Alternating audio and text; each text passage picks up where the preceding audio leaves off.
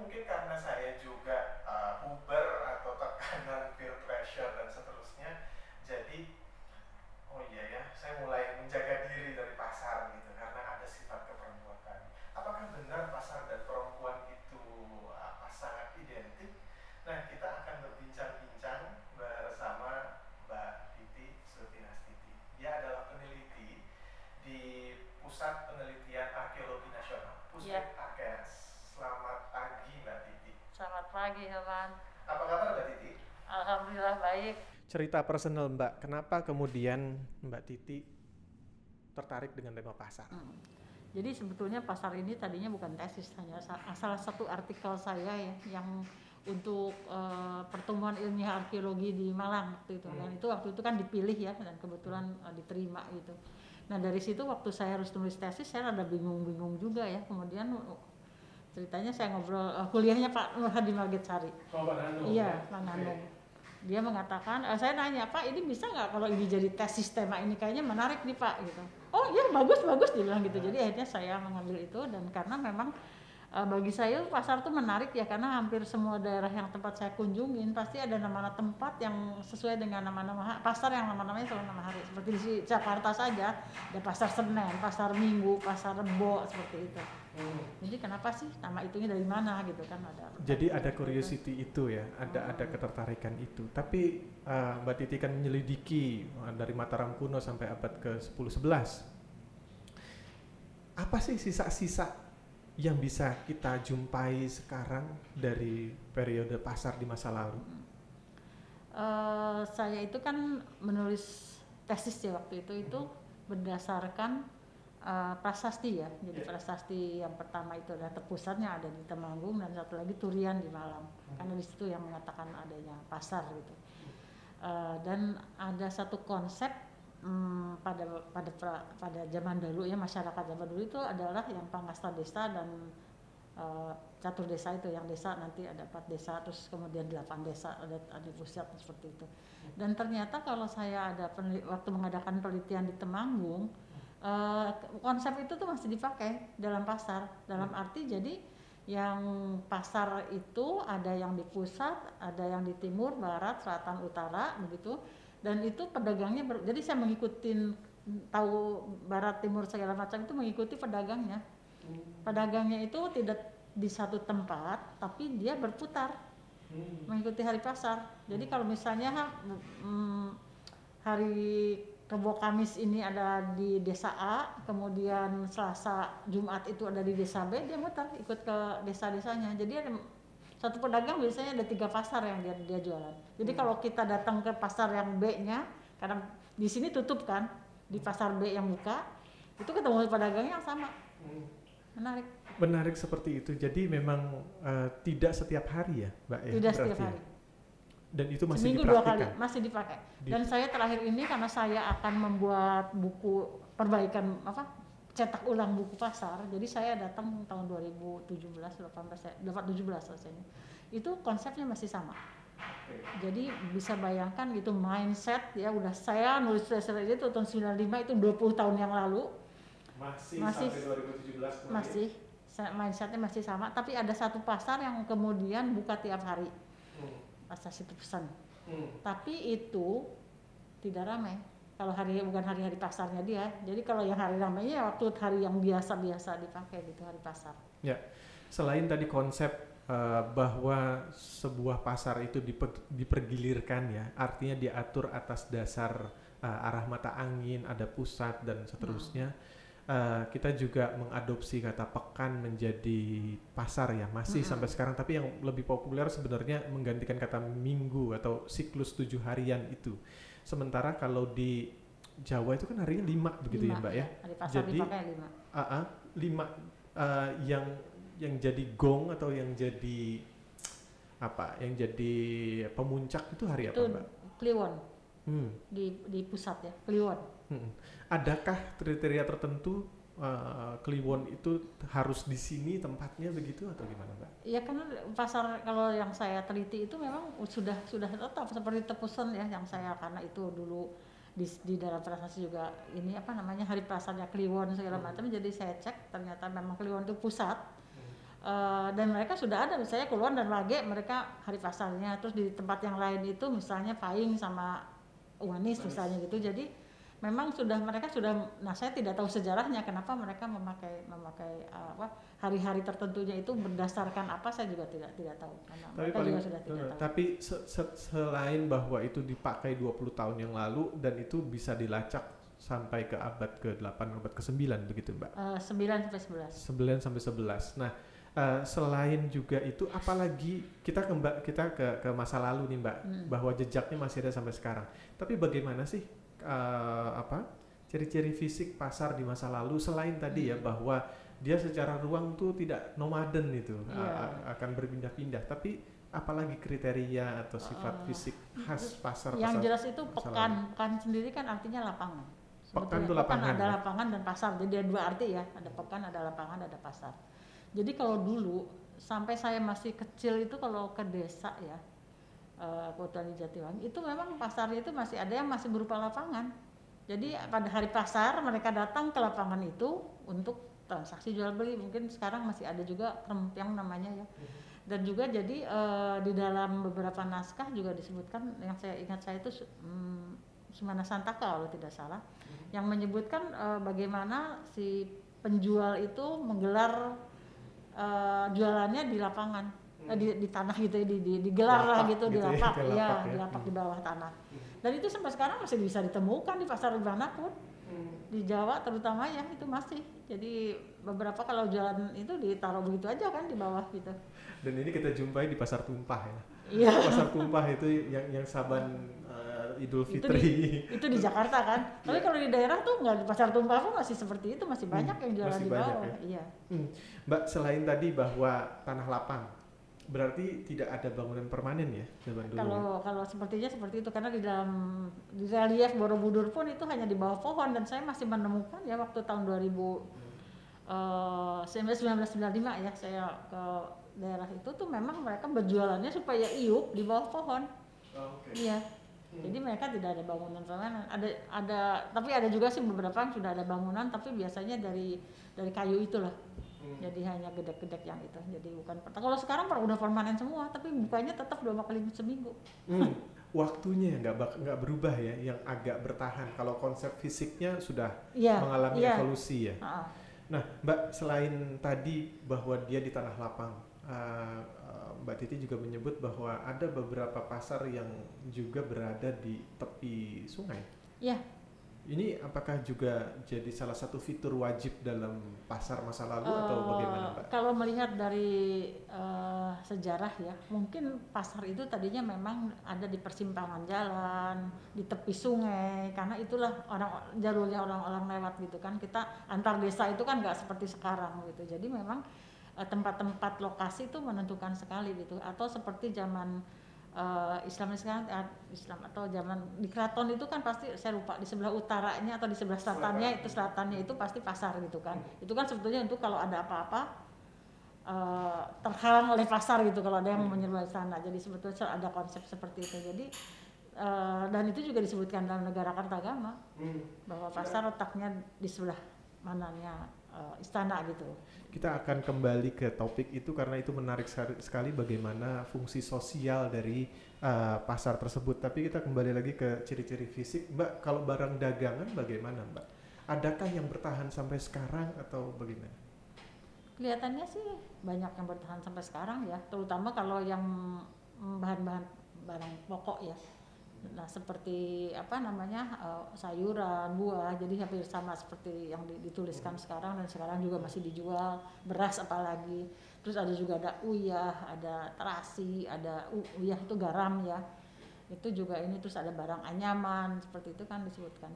Jadi barang-barang kebutuhan pokok dan barang-barang sehari keperluan sehari-hari ya. Sehari-hari iya. Oke. Nah, bagaimana dengan sekarang kita ke orangnya? Siapa saja? Apakah benar bahwa tadi saya cerita pengalaman saya bagaimana perempuan eh pasar itu identik sekali dengan perempuan. Iya. Apakah zaman dulu juga begitu? Uh, kalau saya itu tidak melihat seperti maksudnya datanya tidak langsung menuju ke situ ya, tapi tanda-tanda seperti itu. Seperti perempuan itu kan biasanya di rumah ya. Hmm. Jadi yang pertama kali membuat kerajinan segala macam mungkin tadinya ya uh, terus mereka memasarkan sendiri. Mungkin seperti itu. Jadi memang perempuan dan setelah saya misalnya waktu pertama saya ke pasar Klewer di hmm. di Jogja itu hampir semuanya perempuan yang jualan. Tidak ada laki-laki. Jarang sekali laki-laki. Kalau sekarang sudah mulai banyak laki-laki di pasar. Hmm, hmm.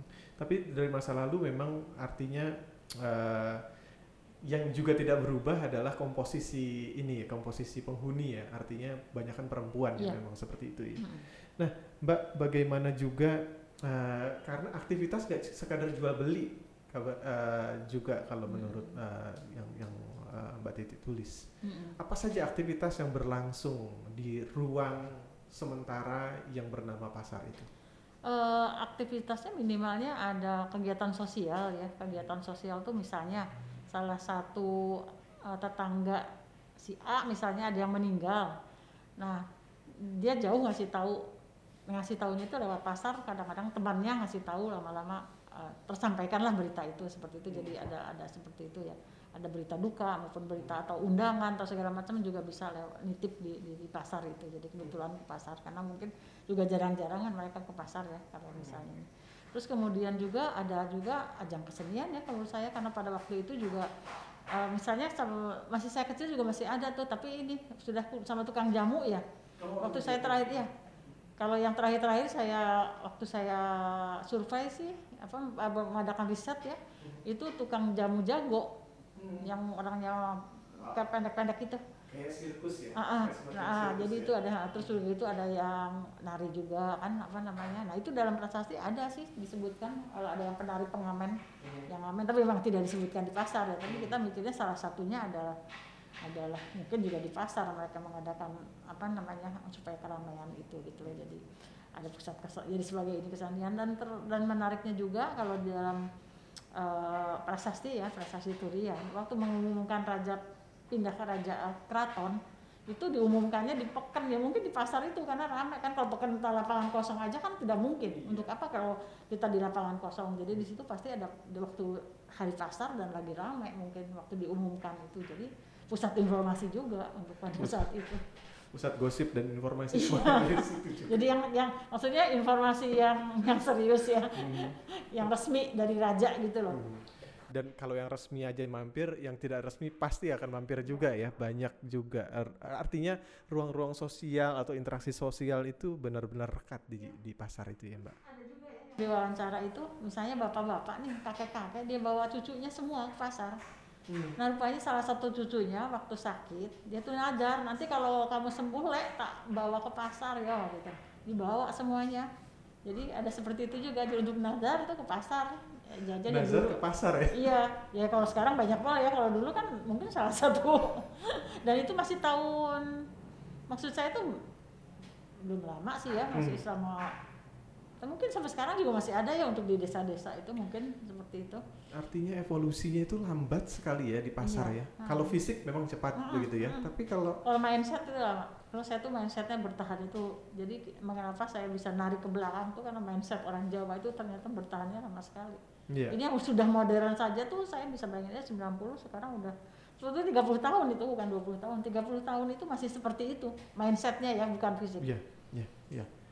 Eh, Dan dan saya jadi ingat ada se- eh, dulu baru baru baru ini ya saya melihat video eh, anggur cap orang tua itu dulu tahun 50-an itu ya memakai persis yang Mbak Titi bilang pakai orang cebol, Mm-mm. orang apa begitu ya untuk menarik perhatian. Iya. Artinya tahun 50 tuh masih ada. enggak gitu. saya tuh jangan sekarang- 50 saya waktu penelitian tahun 95 itu masih ada sama jamu cap jago Hmm.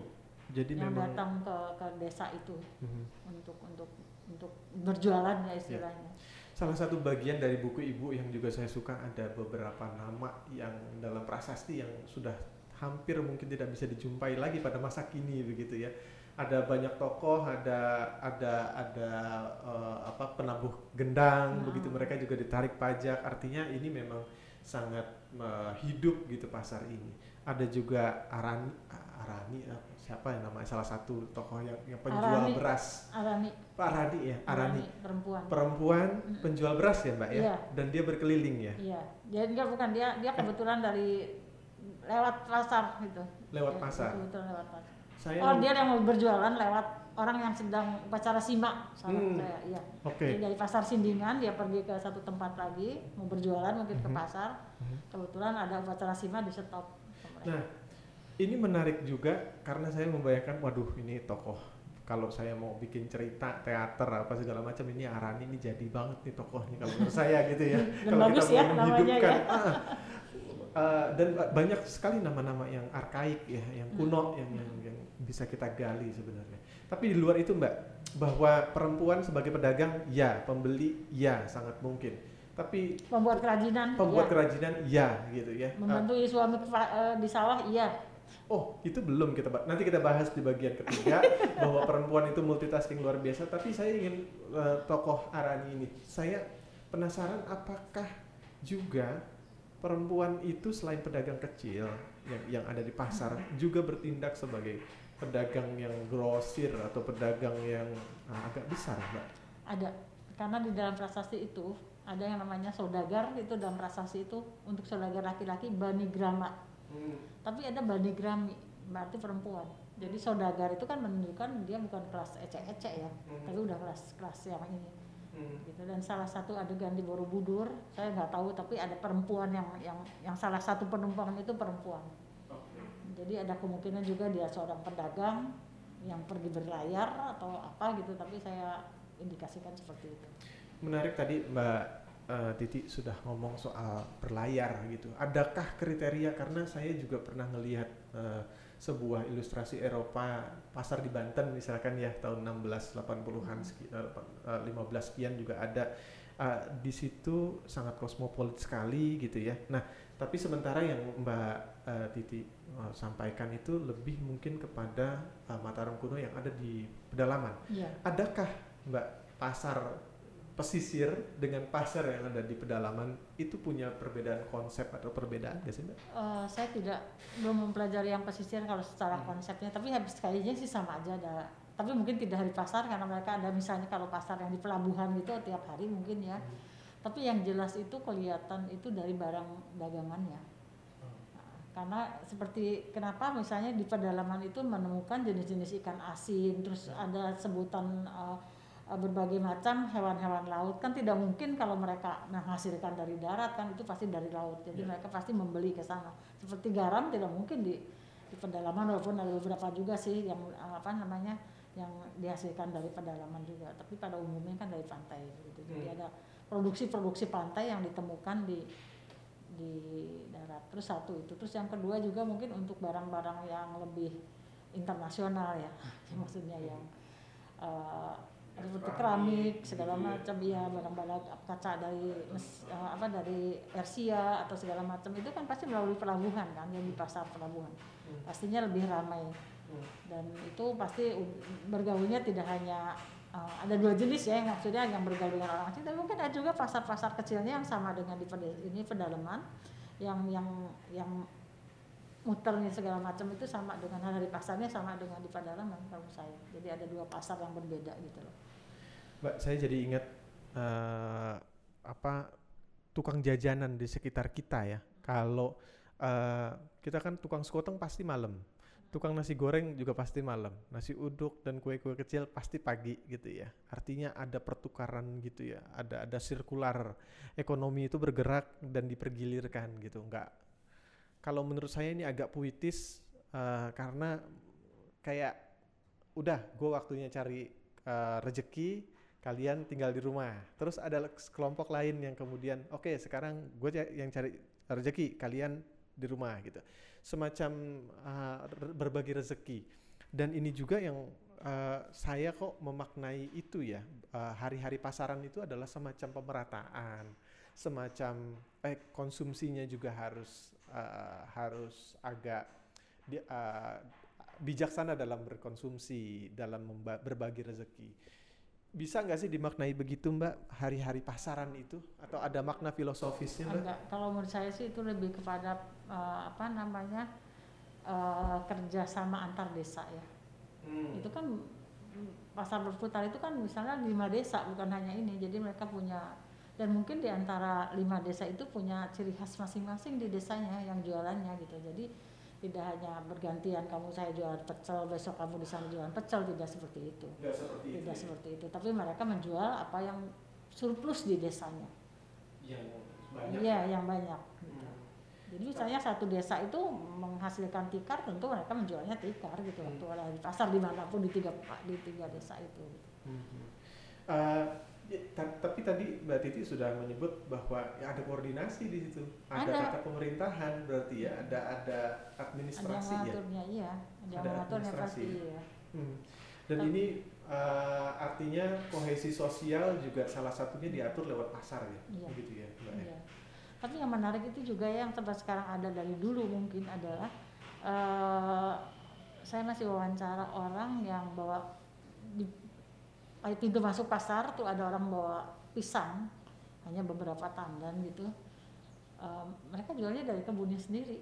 Jadi Hmm. mereka datang dan biasanya pisang itu dibawa terus dibeli sama orang lain, orang kedua gitu untuk dijual eceran. Nah, itu seperti itu. Jadi banyak yang untuk terutama untuk tanaman-tanaman kebun itu mereka masih hasil kebun sendiri yang dijual. Hmm, hmm. Mbak, tadi kalau pas eh, tadi kita sudah sedikit membahas soal eh, bagaimana pasar itu kalau dalam tata ruang kota dalam tanda kutip Jawa itu punya polanya. Ada ada keraton, alun-alun, masjid misalkan kalau Terus di ini ya, mm. masjid, pasar, eh, penjara atau kehakiman begitu ya. Itu komponennya ada di situ. Dan men- menariknya bahwa eh, pasar itu menempati ruang pusat gitu ya, bukan periferi, bukan mancanegara gitu. Untuk yang di kerajaan. Ah, untuk yang di kerajaan. Nah, itu apa maknanya? Apa yang bisa kita tarik dari sini, ya, Mbak? Kalau saya sih melihatnya itu kan eh, pasar itu kan pusat keramaian ya. Jadi kalau misalnya ada penya ya ini saya pernah dengar teori saya juga tidak tahu betul atau tidak. Kalau ada serangan musuh itu udah terhalang duluan oleh mereka jadi tidak pasar itu hanya sebagai penghalang antara lain untuk dari serangan musuh begitu. Kalau zaman dulu di, di ada saya lupa yang membicarakan tapi itu salah satu ahli sejarah juga yang bicara soal itu bahwa itu Hmm. adalah salah satunya adalah untuk menghalangi Hmm, Tapi dia menempati posisi sentral begitu Iya. ya. Eh, strategis, ya, strategis, eh, strategis. Jadi kenapa harus ada di itu? Hmm, hmm. Baik. Nah, eh, kalau menurut saya akan membacakan saja ini. Kalau menurut Anthony Reid itu eh, revolusi agama di Nusantara, baik Islam, Kristen dan macam-macam, itu titik mulanya dari pasar. Pasarlah yang akhirnya membentuk jaringan kota, kekuasaan dan lain-lain. Nah, eh, ya tempat seperti eh, pasar itu jadi tempat transmisi eh, pengetahuan juga. Ada saya pernah baca bukunya Hans Paul misalkan menyebut kalau nggak ada pasar transmisi pengetahuan jamu-jamu itu beredar di pasar juga loh gitu ya. Jamu-jamu sampai sekarang bahkan ya beredar di dan beberapa resep yang ditulis oleh kaum Indo yang buku-bukunya juga sangat berguna buat uh, kaum Indo itu adalah resep-resep yang dikumpulkan di pasar. Jadi memang fungsi pasar itu luar biasa sih, uh, uh, mulai dari pertemuan gagasan ide bisa dipertukarkan sampai juga dengan uh, uh, ya, pengetahuan ya. Nah, uh, Mbak, kalau kaitannya penempatan pasar juga dengan dengan keraton itu kan kadang-kadang ada yang memaknai sebagai persaingan begitu ya Mbak ya. Ini maknanya pasar itu adalah ya swasta, warga, orang kaya biasa. Sementara kalau keraton itu adalah pemerintah. Ada ada persaingan begitu gak sih Mbak? Kalau di Jawa kuno oh, gitu. Dilihat dari naskah maupun prestasi tidak tidak kelihatan adanya persaingan antara mereka. Malah hmm. ada salah satu naskah ya yang menyebutkan bahwa Sabandar itu ya memang raja yang menetapkan tapi di pelabuhan itu yang pasar hmm. pelabuhan itu gitu. Hmm. Nah kalau masalah agama kan kita ingat kalau misalnya agama Islam masuk Indonesia dari mana? Gujarat. Nah Gujarat apa? Pedagang. Okay. Nah itu dia. Jadi memang dari situ kan mulainya pasar. Pasar yang ada di pelabuhan tapi bagaimana? Yeah. Jadi memang uh, begitu ya. Uh, apa fungsinya perannya itu nggak kelihatan, tetapi ya sangat berperan. Iya. Nah uh, kita kembali uh, kita ke bagian kedua obrolan kita mengenai siapa penghuni pasar yang adalah perempuan gitu ya. Tadi sudah disebutkan bahwa perempuan nggak berperan sebagai nggak cuma berperan sebagai pedagang kecil tapi juga bandar, saudagar, iya. begitu ya. Uh, bagaimana peran perempuan lainnya yang bisa didapatkan dari prasasti atau uh, yang mbak teliti mbak? Uh, peran perempuan itu ada di berbagai bidang. Hmm. di pemerintahan raja hmm. ratu hmm. ada semua. Pangeran uh, apa namanya? Putri eh, putri, putri ya mahkota ya putri mahkota putri putra mahkota putri mahkota. Dan menariknya untuk raja-raja di Jawa. Hmm. uh, untuk menjadi putra atau putri mahkota itu hanya harus lahir tidak melihat laki-laki atau perempuan. Lahir dari prameswari itu jadi putri mahkota hmm. atau putra mahkota. Jadi tidak tidak harus bahwa itu laki-laki. Jadi memang di situ bagus sekali kan ya hmm. uh, apa namanya. Terus kemudian juga uh, uh, kalau di dalam prasasti-prasasti Majapahit itu kan ada negara-negara vasal ya, negara-negara yang bre-bre itu. Hmm. Itu bisa bayangkan nggak dari 19 eh dari 14 negara bagian Majapahit, 9 perempuan, 6 laki-laki. 14 negara bagian Majapahit Sembilan. Perempuan. Banyak sekali, mayoritas sekali. Iya, mayoritas. Kemudian Lasem. Hmm. Itu hampir turun-temurun perempuan semua yang menguasai Lasem. Yang bre alemu, bre segala macam itu perempuan pada dasarnya. Kenapa ya Mbak? Hmm. Adakah alasan khusus gitu kenapa kemudian perempuan sangat berjaya di level kedua pemerintahan ini? Eh, nggak uh, di level kedua ya, ya level mungkin, kedua. Kalau menurut saya itu ya mungkin karena kelahiran, karena mereka itu status sosial itu hanya kelahiran, hmm. bukan karena beda dengan yang di bawah achievement ya. Hmm. Yeah, kalau yeah. yang di atas itu hanya berdasarkan kelahiran. Jadi, nah ini beda dengan kalau misalnya jadi kepala desa. Nah, ini nah ya, kepala desa itu hmm. di di kayak sekarang di apa namanya dipilih.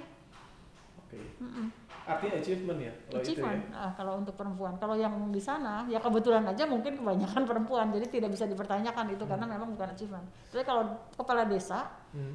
jadi hampir semua tataran itu ya di, di desa saja itu kepala desanya ada perempuan uh, apa namanya tukang ngurusin air ada perempuan. Oh ada. Ada.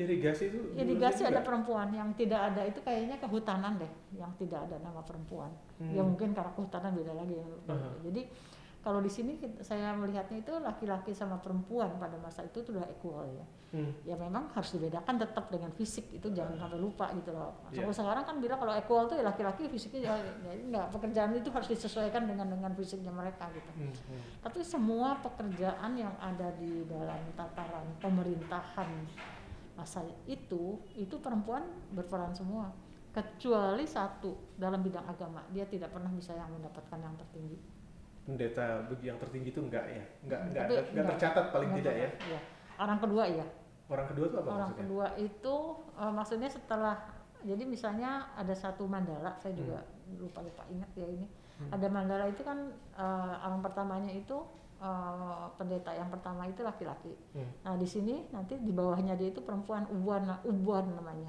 Hmm. nah dari ubuan itu nanti ada ada ada lagi laki-laki lagi atau ada perempuan jadi si ubuan ini mau membawahi laki-laki sama perempuan kan ada tingkatan-tingkatan juga mereka Hmm. seperti itu Artinya terbuka untuk uh, jabatan-jabatan publik itu terbu- terbuka terbuka sekali untuk Terbuka. kecuali perempuan. kalau untuk yang eh, apa namanya kalangan sosial Ningrat ya. tingkat ya. karena itu memang berdasarkan kelahiran sudah ada aturannya. sudah Jadi ada tidak, aturannya tidak- Ah, ah. tapi juga tidak uh, artinya ketika seorang putri mahkota bisa menjadi raja atau ratu, artinya itu sudah dalam tanda kutip maju begitu ya. Mm-mm. Kalau kalau kita mengukur dengan standar sekarang di beberapa tempat begitu ya.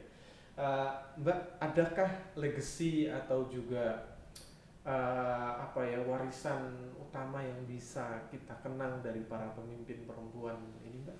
ya minimal ya kalau saya melihat itu eh, perempuan itu pendidik yang bagus bagus sekali ya seperti Hayam Wuruk Hmm. behind the scene Hayam Wuruk itu siapa sih Hayam Wuruk adalah uh, raja terbesar raja Majapahit. terbesar Majapahit di belakang situ siapa sih neneknya dan ibunya Hmm. ayahnya tidak berperan sama sekali kalau dalam prasasti dikatakan itu nenek dan ibunya Apa peran nenek dan ibunya? uh, dan- ya maksudnya itu mendidik sampai sampai dia jadi segala macam itu pasti karena di bawah bimbingan disebutkan Hmm. di bawah bimbingan jadi mungkin dari hal-hal kerajaan segala macam Ga- dan Gayatri itu memang eh, kalau menurut saya ya, perempuan yang luar biasa sekali Hmm, hmm.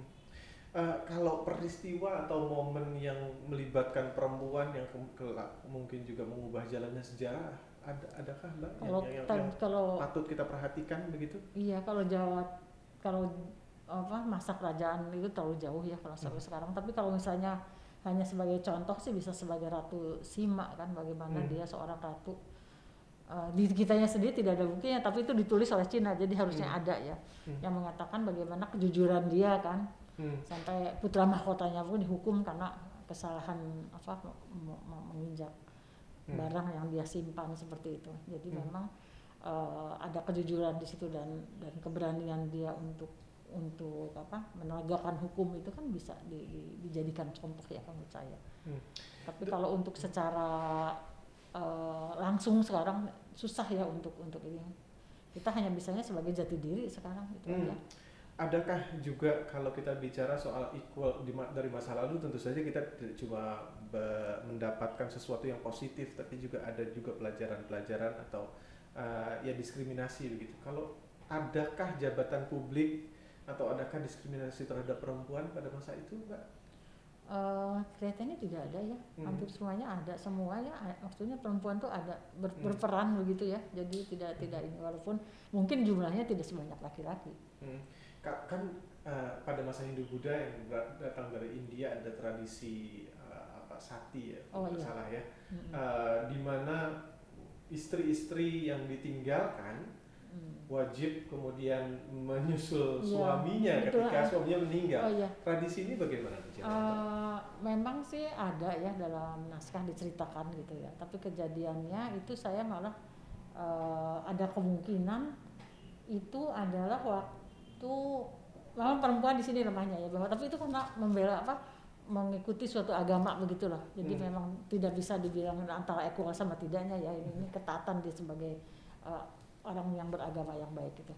Yang saya agak pernah menulis di ten- tentang eh, Raden Wijaya waktu meninggal. Itu kan se- jadi sebelum meninggal itu dia kalau menulis prasasti pasti menuliskan istrinya empat.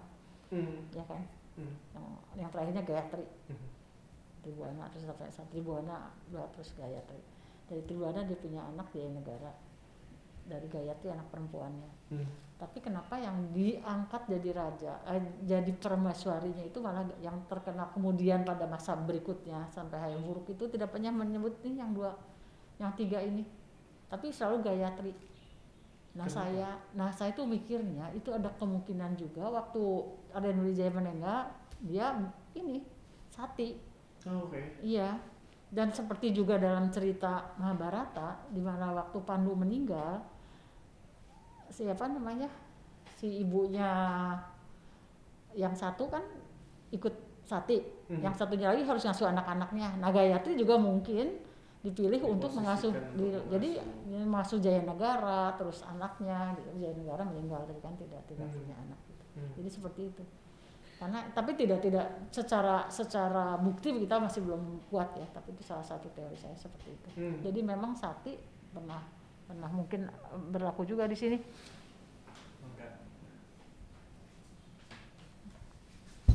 Jadi Ah, oke. Bagaimana dengan eh, Mbak Titi juga disertasinya menulis perempuan-perempuan di Jawa kali ini sampai abad ke-15, Mm-mm. benar ya? Mm-mm. Nah, itu kemudian ada juga yang menarik ada adalah eh, bagaimana posisi perempuan di dalam hukum. Eh, ada sejumlah aturan yang melindungi perempuan dari pelecehan, tapi juga tidak membolehkan eh, apa menjadi hakim atau bagaimana, Mbak eh, Titi mungkin bisa menceritakan soal ini. Iya, itu memang agak apa ya untuk pejabat-pejabat kehakiman itu Hmm. sampai sekarang kita belum menemukan Hmm. eh, tokoh perempuan ya. Tapi kalau ada di bawahnya ada, maksudnya ada juga pejabat kehakiman yang yang ininya. Yang nggak boleh itu sebagai adiaksa kalau tidak salah. Hmm, Jadi memang. ada ya. Jadi ada prasasti Guntur ada menyebutkan. Hmm. Kalau eh, ada juga yang eh, artinya kalau sekarang kan kita undang-undangnya semua berhak di hadapan hukum ya menjadi saksi. Mm-mm. Menjadi saksi juga Ada. dimungkinkan ya. Hmm. Dan eh, yang menarik ini Mbak, bagaimana eh, Mbak Titi mungkin bisa cerita lebih banyak. Bagaimana perempuan ini dilindungi dari eh, pelecehan seksual begitu. Nah ini bagaimana Mbak? Bisa cerita banyak tentang ini? Agak susah ya itu karena Mhm. bukti-buktinya kan memang tidak terlalu banyak ya, Mhm. untuk pelecehan seksual itu. Mhm. tapi saya lupa tapi ada satu bagian mungkin bisa baca di, di Ah. ini saya dengan apa ya saya lupa tapi tapi ada ada satu satu bab tentang itu bukan Iya. satu bab satu bagian kecil yang menyatakan bahwa kemungkinan dengan adanya larangan itu adalah untuk seperti itu walaupun secara ini. Tapi saya lupa kan udah lama kan. Oke baik, ini bagian yang terakhir nih Mbak. Refleksi. Pasar perempuan masa lalu, lalu apa juga yang eh, refleksi yang bisa didapat dari itu yang bisa kita jadikan semacam apa ya panduan bukan panduan semacam pelajaran buat masa kini lah begitu Mbak. Mm. kalau saya itu satu ya masyarakat sekarang tuh kalau melihat feminisme ataupun ini kan selalu ke barat ya sebetulnya kita nggak usah ke barat lihat aja sejarah kita sendiri bahwa kita tuh equal walaupun ya tanda kutip equalnya mungkin tidak sama seperti yang kita maksud sekarang Hmm. Eh, terus kedua itu adalah bahwa walaupun sampai saat ini Indonesia itu adalah negara yang membolehkan perempuan itu jadi apa pun tidak ada larangan Hmm. dibandingkan Jepang misalnya atau di Eropa di Eropa sendiri kalau gaji antara laki-laki perempuan katanya beda. Atau dulu kenapa misalnya ada arkeologi feminisme segala macam itu karena beasiswa itu dikasihkannya ke atau ada untuk kerja lapangan itu dikasihkannya ke pasti yang laki-laki gitu kan seperti itu. Jadi memang ada ada perbedaan-perbedaan seperti itu. Di Indonesia tidak pernah ada. Tapi dari kalau saya tuh melihatnya dari perempuannya sendiri gitu Hmm. Eh, udahlah itu kan ini nggak usah lah kita mereka aja laki-laki aja kayaknya seperti itu. Jadi kelihatannya dari perempuannya sendiri yang kurang mempromosikan dirinya sendiri gitu. Itu dan mungkin juga eh, itu kalau menurut saya itu dimulainya kan orang suka mempertanyakan kapan sih mulai kita menurun? Nah kita mikirnya kan pada waktu masa Islam ya? Hmm. tidak. Jawabannya tidak. Pada masa Islam itu banyak sekali tokoh-tokoh perempuan yang jadi pedagang jadi ratu segala macam ada semua Hmm. justru yang tidak menyangka adalah masa kolonial Hmm. karena pada abad itu juga ya misalnya eh, kenapa eh, di keraton Matara, Mataram yang sudah Islam Hmm. ya jadi udah kolonial udah mulai masuk tuh eh, ada naskah-naskah yang nantinya itu perempuan itu kan jadi hanya konco wingking merokok katut juga jadi jadi hanya teman perempuan tuh hanya teman di belakang kalau ke surga ikut ada istilah itu dari cerita centini yang yang agak ke sini abad-abad ini gitu loh jadi saya lagi memikirkannya ada turunnya ini perempuan itu justru pada masa-masa itu gitu loh. Hmm. Hmm. karena di di di Eropa sendiri waktu ke sini Kartini sendiri kan termasuk yang dicekokin feminismenya sama Abendanon kan Hmm. kalau saya suruh baca Hmm. Hmm. Hmm. Hmm. itu seperti itu ya tapi yang jelas itu ya sekarang sih tergantung dari kaum perempuannya. Ayo kita maju. Kalau misalnya memang mau maju gitu jangan sampai hanya mau enaknya sendiri. Kayaknya sekarang udah cukup dengan ibu rumah tangga di belanja cukup udah cukup gitu kan. Eh, jarang banget yang mau fighting fighting dan ini juga ada contohnya sebetulnya. Seperti Kusuma Wardani anaknya Hayang Wuruk itu kan harusnya dia yang jadi ratu. Sampai saudara saudara lain ibunya itu kan apa selalu menyerang dia ya. Karena merasa dia lebih berhak tapi karena dia bukan Akbar Leswari tetap Kusuma Wardani yang jadi tapi dia kan nggak nggak jadi ratu yang Hmm. jadi raja malah suaminya kan Wikrama Wardana kenapa ya mungkin dia juga males ah jadi ratu wajar segala macam udah kamu aja seperti itu gitu jadi ya zaman dulu juga ada gitu yang Hmm. seperti itu bahwa tidak tidak semua perempuan yang walaupun punya hak dia memerintah gitu Termasuk juga menjadi arkeolog terbuka buat perempuan. Oh, iya, iya. Arkeolog sakti semua tuh. Tapi sekarang itu terus terang aja ya. eh, banyak pekerjaan-pekerjaan perempuan yang eh, sudah teralihkan menjadi pekerjaan laki-laki. Contohnya apa, Mbak? Yang apa? Ini aja sekarang dari memanen dulu kan pekerjaan perempuan kan ani-ani. Sekarang kayak apa? Sabit, Hmm, disabit kan. Pekerjaan siapa? Kemudian untuk nutuk, untuk numbuknya perempuan, itu masih ada Dulu. contohnya. Sekarang pakai apa? Pakai mesin. Siapa yang mengerjakan? Laki-laki. Hmm. Jadi banyak sekali perempuan pekerjaan-pekerjaan di pasar juga sekarang udah mulai banyak laki-laki. Iya, iya. Hmm. Jadi memang banyak pekerjaan-pekerjaan yang dialih. Ya seperti ini aja. Eh, untuk pembuatan gerabah itu sampai sekarang hanya ada beberapa yang tradisi untuk di Jawa ya, Hmm. yang tradisi bahwa pembuatan gerabah itu hanya perempuan gitu.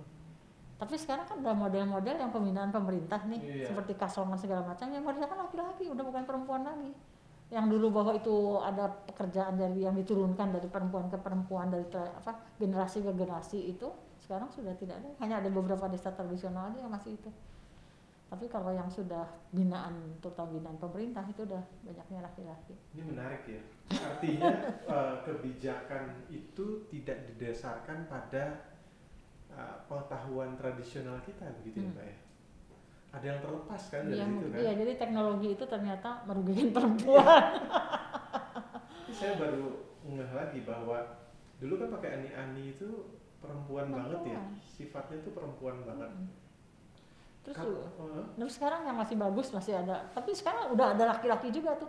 Untuk nanam padi itu kan perempuan. Tandur. Tandur. Itu Mhm. perempuan. Tapi sekarang udah banyak laki-laki yang tandur, apalagi nanti kalau padi gue mesin udah perempuan. Tandurnya udah nggak ada yang mengerjakannya juga laki-laki gitu.